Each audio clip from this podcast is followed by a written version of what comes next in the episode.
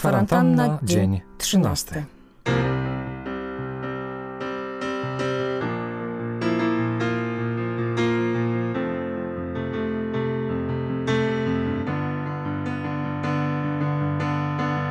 Dzisiaj szef zadzwonił, gdy siedziałem na kiblu. Nie, krzyknął mój wewnętrzny bojownik o niepodległość. Nie będę chodził srać z telefonem. To mój jedyny, absolutnie jedyny moment, kiedy jestem wolnym człowiekiem, sam na sam ze swoimi myślami. Ewentualnie telefonem. Oczywiście tym prywatnym, nie tym z firmy. No i newsami ze świata. To czas, w którym czuję się jakbym. jakbym latał, jakbym mógł wszystko, a nawet jeszcze więcej. Nagle umysł staje się zupełnie wyzwolony. To jest moja oaza, jaskinia, pudełko nicości. To jest miejsce, w którym wreszcie mogę oddychać swobodnie.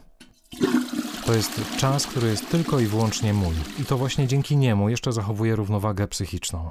Dzięki temu, że chodzę do kibla, nie muszę chodzić do psychiatry. Kochanie, szef dzwoni. Krzyczy żona, a dźwięk dzwonka zbliża się do drzwi jak w najgorszym koszmarze. Mam to w dupie, Odpowiada żona, telefon przestaje dzwonić i najwyraźniej ląduje w jakimś przypadkowym miejscu, bo dziwnie stuknął i zamilkł. Teraz, zamiast oddawać się błogiej medytacji, myślę o tym, czy zaraz nie wyląduje na nim jakiś jogurt, czy nie przygniecie go 30-kilogramowy malamut, czy nie wpadnie do nocnika.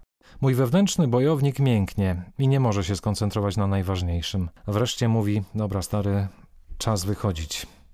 Ale pamiętaj, jeszcze tu wrócisz. Oddzwaniam do szefa. Czekam na przeprosiny, coś w deseń przepraszam, że tak wcześnie, ale to bardzo pilna sprawa. On jednak zaczyna swój wykład. Musisz odbierać telefon, inaczej nic z tej zdalnej roboty nie wyjdzie. Rozumiesz? Nie wierzę. Siedziałem do trzeciej w nocy nad prezentacją dla klienta, a on o ósmej rano, kiedy jeszcze nawet normalnie nie zaczynam pracy, dzwoni, wkracza w mój święty czas w kiblu, po czym wygłasza protekcjonalnym tonem, żal z dupy, że śmie mnie pracować w godzinach wolnych od pracy. To jest przedostatni dzień kwarantanny. Hamuję się. Nie mówię mu tego wszystkiego, bo nienawidzę użalania się nad sobą i mędzenia o tym, jak to jest się zarobionym człowiekiem. Szefie, w kiblu byłem. Chcę być poważny i stanowczy, ale okazuje się, że słyszał to nie tylko mój szef, bo córka dorzuca swoje. Żona przystaje i wyraźnie ubawiona czeka na moją reakcję. Czy nikt nie jest w stanie pojąć, że tu nie chodzi o żadną kupę? Siadam do pracy, sfrustrowany od pierwszej godziny. Poprawiam nocne raporty zgodnie z uwagami szefa. Żona, chcąc pomóc, mówi, że wyjdzie z koleżanką i dziećmi na spacer na dwa wózki żebym mógł chociaż przez godzinę popracować w ciszy, więc po lekkim trzaśnięciu drzwiami zaczynam słyszeć własne myśli, nieprzerywane krzykami, piskami i innym łomotem. Naprawdę zaczynam słyszeć własne myśli. Wykonuję telefony, prowadzę wideokonferencję, podczas której zauważam, że w kadrze stoi suszarka ze stanikami mojej żony, ale postanawiam zachować spokój i w ramach pocieszenia myślę sobie, że w porze lunchu zrobię sobie przerwę i wrócę do kibla. Kiedy nadchodzi ten moment, odruchowo zerkam na leżący na biurku służbowy telefon. Nie, no bez przesady. Nie dam się tak uwiązać, żeby nie móc pójść do kibla bez telefonu. Przecież w biurze też udaje się za potrzebą i nikt za mną nie łazi. Ludzie srają. To normalna fizjologia, to też najświętsze prawo każdego z nas.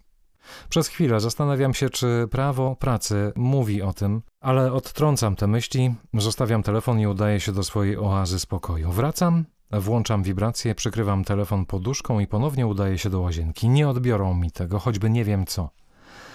Za drzwi słyszę, że wraca żona. Że jest jakaś afera o zdejmowanie bucików z małą, płacz małego, ale mnie to nie dotyczy. Jestem w swojej jaskini. Rzucam ptakami w świnie, zdobywam punkty, czyli nie myślę o niczym. Od świata odgradzają mnie drzwi łazienki i lepiej być już nie może. Wreszcie zrelaksowany wychodzę na zewnątrz. Poduszka na twoim biurku wibrowała. Otwieram usta, żeby wyjaśnić. Nie, nie muszę wiedzieć. Odpowiada, a ja zauważam, że jest miłosierna niczym sam Jezus. W telefonie trzy nieodebrane od szefa. Oddzwaniam.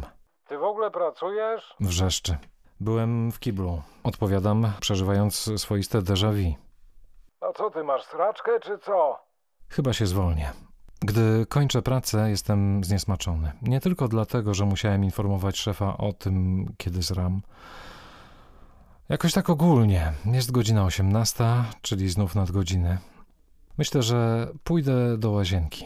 Zrezygnowany biorę ze sobą służbowy telefon.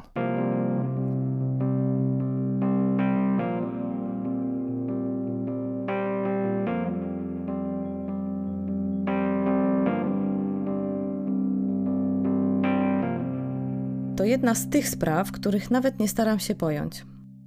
Dzisiaj mój mąż sfrustrował się tym, że nie mógł posiedzieć na kiblu. Rozumiem, że irytuje go szef wydzwaniający poza godzinami pracy i w przerwach, jakby praca zdalna oznaczała pracę 24 godziny na dobę. Ale z tym kiblem to on ma zawsze, w weekendy również. Nie wiem, co tam robi tyle czasu i nie chcę wiedzieć. Czasami kusi mnie, żeby zapytać, ale nie, wolę nie. Wychodzi szczęśliwszy. I to mi wystarczy.